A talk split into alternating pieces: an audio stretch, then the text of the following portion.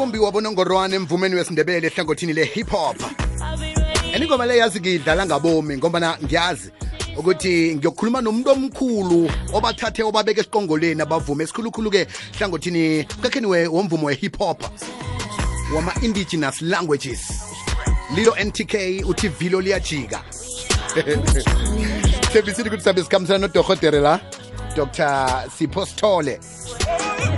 Abanguthi-ke na umvumi umuntu osebenza ngobukhwari uyalazi ibizo leli eh nangilibizako nje kunento esikenyakako ngombana uthethe ubukhwari besewula afrika wabeka esiqongolweni lotshani baba usithole ninjani sikhona baba usithole ingoma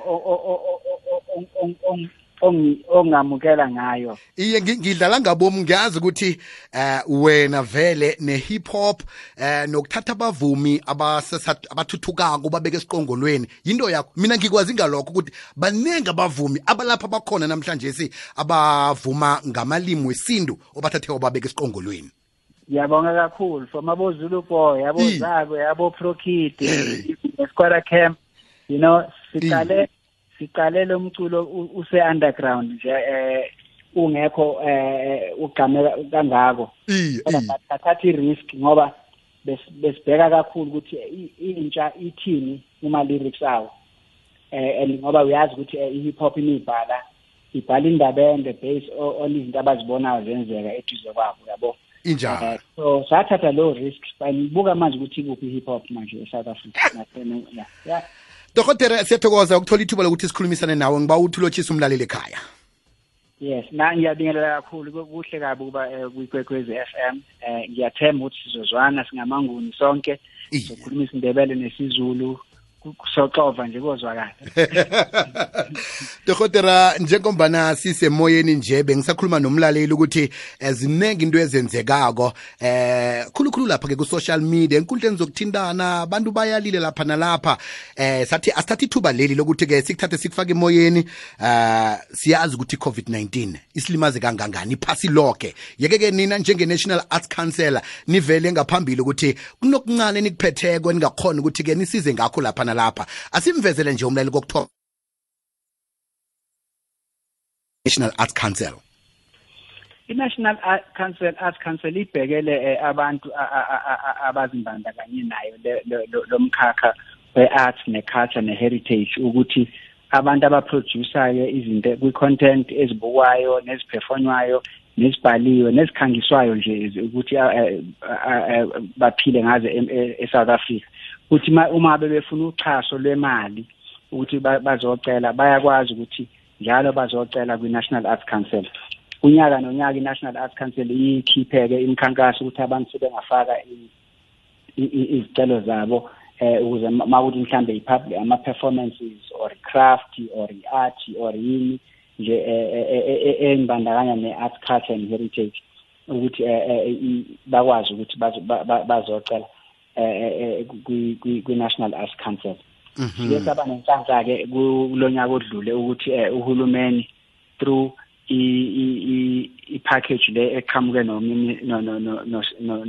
nomongameli wezwe lonke uCyril Ramaphosa ukuthi akhiphe imali engango-300 million ebese kucelwa-ke through ilento i-arts and culture i-department of sport arts and culture ukuthi bacele ukuthi i-national arts council kube yiyona ehlabela phambili ikhiphe umkhankaso imemezele ukuthi abantu abaney'celo abanama-idea nalaba abaphelwe umsebenzi ngenxa ye-covid sebengafaki iy'celo.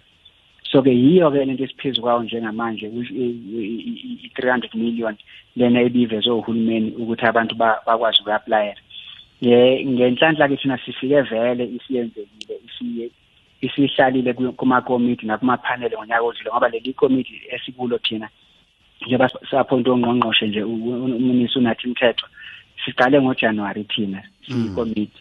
So thina sifika nje sesiyibamba phakathi nendawo kodwa kwaba khona kuney'nkingane ey'khona esithe masiyibona sabona ukuthi hhayi kuyodinga ukuthi sina siyisolve ngoba siyazi-understanda iy'dingo zabantu. Njengokuthi nje inkinga ebiyinkulu ukuthi um baningi abantu akade akade be-aplayile but futhi baningi abantu akade be-approviwe ukuthi babe bangathola lelo xhaso. Kodwa imali ivele yaphelela endleleni. Sajika ke thina si si si si ikhansela elisha ukuthi anikwazi ukuthi niapprove abantu bonke kodwa bese nithi imali isiphelile. Ikakhulu nje ngoba eh 1374 ama applications a approve i NAC ama panel ne council le yaqeda ngo December ithe iqeda isibe vele yaphrovile kodwa imali ebiyanele ukukhokhela abantu ama applications ama applicants ibekuyimali abantu abawu 613 kwasho ukuthi kushuthi kusele abawu 761 ngaphandle. Ilapho ezivele sashaya ngonyawo phansi sathi asiku anikwazi ukuthi lento singayenza ngoba okokuqala kusho ukuthi iyakhombisa ukuthi azange sibheke ukuthi abantu sibalingane bonke. Kungabi khona abantu abakhishwa inyumbazane bakhishwele ngaphandle bangatholi imali. Selokhu nje kuqala ujanuwari-ke manje sibesila lo mkhankaso ukuthi siyithola kanjani imali sichaza kanjani le mali ukuthi isherishwe ku-one thousand three hundred and seventy-four kuze nalo seven sixty-one owawukhishelwe ngaphandle uyithole le mali. Sikwazile-ke ukuthi siyisebenze sayisebenza sayisebenza sabe safika la esesingasho ukuthi eh wonke umuntu waye-aplayile ngonyaka odlule wa-approva ngonyaka odlule by i-NAC ne-council yase-NAC yangonyaka odlule. Akekho ozosala ngaphandle. Kodwa-ke lokho kubanga ukuthi sithathe ama-decisions a-difficult kakhulu ngoba kusho ukuthi laba kade be-approviwe kuye wacetha siyehlise iy'mali zabo sithi siyazi ukuthi wawusu-approviwe for imali engaka. Kodwa sesiphinde sa-adjusta. Sikwazi ukuthi sabelane sonke. Kuye exactly exactly ukuze sikwazi ukuhlabelana sonke. Kukhona nalabo abanye ababe ababe applyele for imali ethile kodwa banika imali engaphezulu kwale mali ababeyicelile sathi siyazi ukuthi bese na-approviwe mhlawumbe bese nisho ukuthi hawu kusho ukuthi ujesu kufike ufike namhlanje ngegijima wasinika le mali. Sizokunika le wawuyicelile kuphela hhayi le engezwe ngaphezulu. Sesiyayidonsa-ke leyo mali sesiyifaka la emgodlagodleni ukuze sikwazi futhi ukuthi siphinde siyicaze siyisherise wonke umuntu. So yiyo-ke iy'nqumo esiyithathile asithandekanga kakhulu kubantu abasebe-approviwe kodwa siyijatshilele kakhulu ilo seven sixty one owawusumile nje ulinde ukuthi kazi imali iyoqhamuka nini i mean ama-applications ethu aphumelele noma aphumelelanga and siya-understand ukuthi vele abantu ade sebethole um i-approval bese bese behleli izinto ey'thile. Sefanamba bayizireverse-ke manje lezi abantu akade beyihlelile. Ngoba sesibathumelele incwadi entsha esosho ukuthi mhlawumbe wakade unika imali engaka sesiyayirevisa le nto hamba-ke wena uphindele emuva manje uyobheka i-system kuma-plans akho ukuthi uyi-adjusta kanjani manje i-project ukuze ifithe le mali entsha and njengamanje ke siyicela abantu ukuthi abaphi abayenze njalo mase beyitholile incwadi ephuma ku-NAC bangabe besachitha isikhathi abahambe bangene kwi-system kule grant management system bayazi ngoba vele babe-aplayile ba-adjust i-project ba-adjust i-budget bayilode kabusha ukuze i-NAC ibanike i-contract.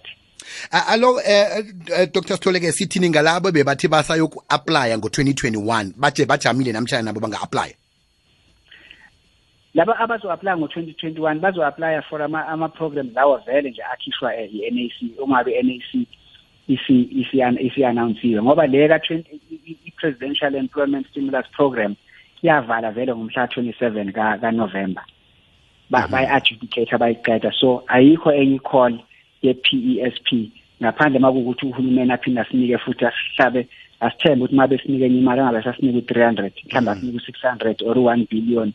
Ngoba sekubonakele vele ukuthi inkulu kakhulu le industry le mali lena ayanele Dr Sithole kunabanye abantu abathumela ama ama applications kodwa na solathi pending. Nanje bakabe ukuphendulwa ukuthi eh ngiapprove namtjana njani ngoba na solo pending kwavalwa ngoNovember nje umuntu applyile kodwa nakhanga thola ipendulo. Uqinisile futhi lo mbuzo ubuza umuhle ngoba uyakwazi ukuthi unike mina njengoba ngimele i-council nje ye-NS ukuthi ngicacise. Kunemkhakha emibili.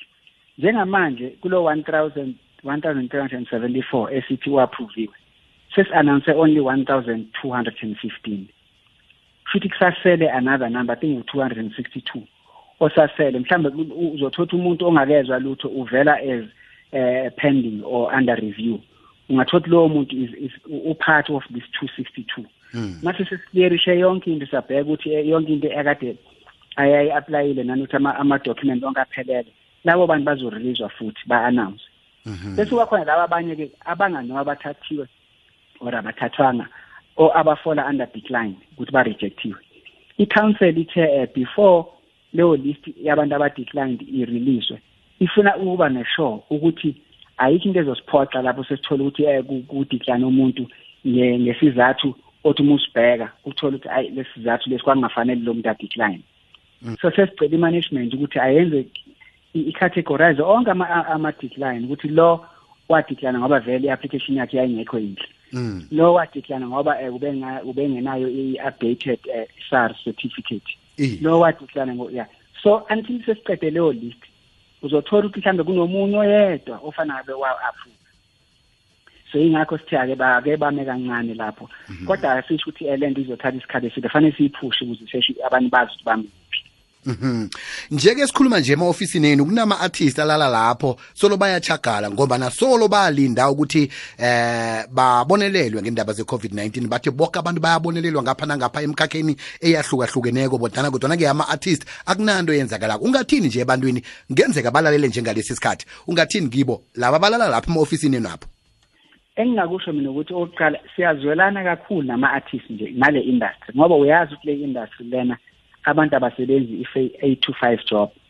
Eh bathembela nje ukuthi ema ebhukhiwe uma uthi umuntu operformayo or makuthengwe i-painting yakhe kade qeda ukulokhuza or noma yini kuyima kungena imali. So njengoba belapha njena ingoba vele eh bakhalela ukuthi uhulumeni akababhekele. So abantu abalaphana ngokwazi kwami yilaba mhlawumbe abangakezwa lutho. Ukuthi i-application yabo i-declined or ithi under review. Mm. or yilabo asebe approviwe kodwa imali akakafiki. So bacela imali zabo or sebesana nama-contract. So baningi abalapho. Bese bakhona labo nje abazwelana nama-artist abathi noma sizofika nathi sizosho ukuthi in solidarity siyazwelana nawe mhm. nabo. Siyaba-engage eh ukuthi baze ukuthi eh eh hayi ngoba singalaleli. Kodwa lokhu sifikile ngoJanuary sibhizi. Nanokuthi nje sikwazile ukuthi size approve eh, eh, eh, well ukuthi sithole imali of the 716 61 yayisiapprove ikhombisa iprogress leyo. Iye. Siyazi ukuthi ngeke sikwazi ukubakhokhela every day. Kuthiwa njengoba kusafanele sikhokhe 250 something million we can't asikwazi vele siwukhokhe wonke ngoba fanele uphantshe i-application ne-application. So kuzothatha isikhathi. Sizama ukuthi sitarget ukuthi at least 8 million of uh, rands worth of applications is paid every day kuze le mali ibisikhokhiwe uh, by the end of of um of March. And siyathemba ukuthi mhlambe nabo bobe sebehambile baphindele emakhaya. Mhm. eh ngoba uma ukuthi ba approve bambo ama-project.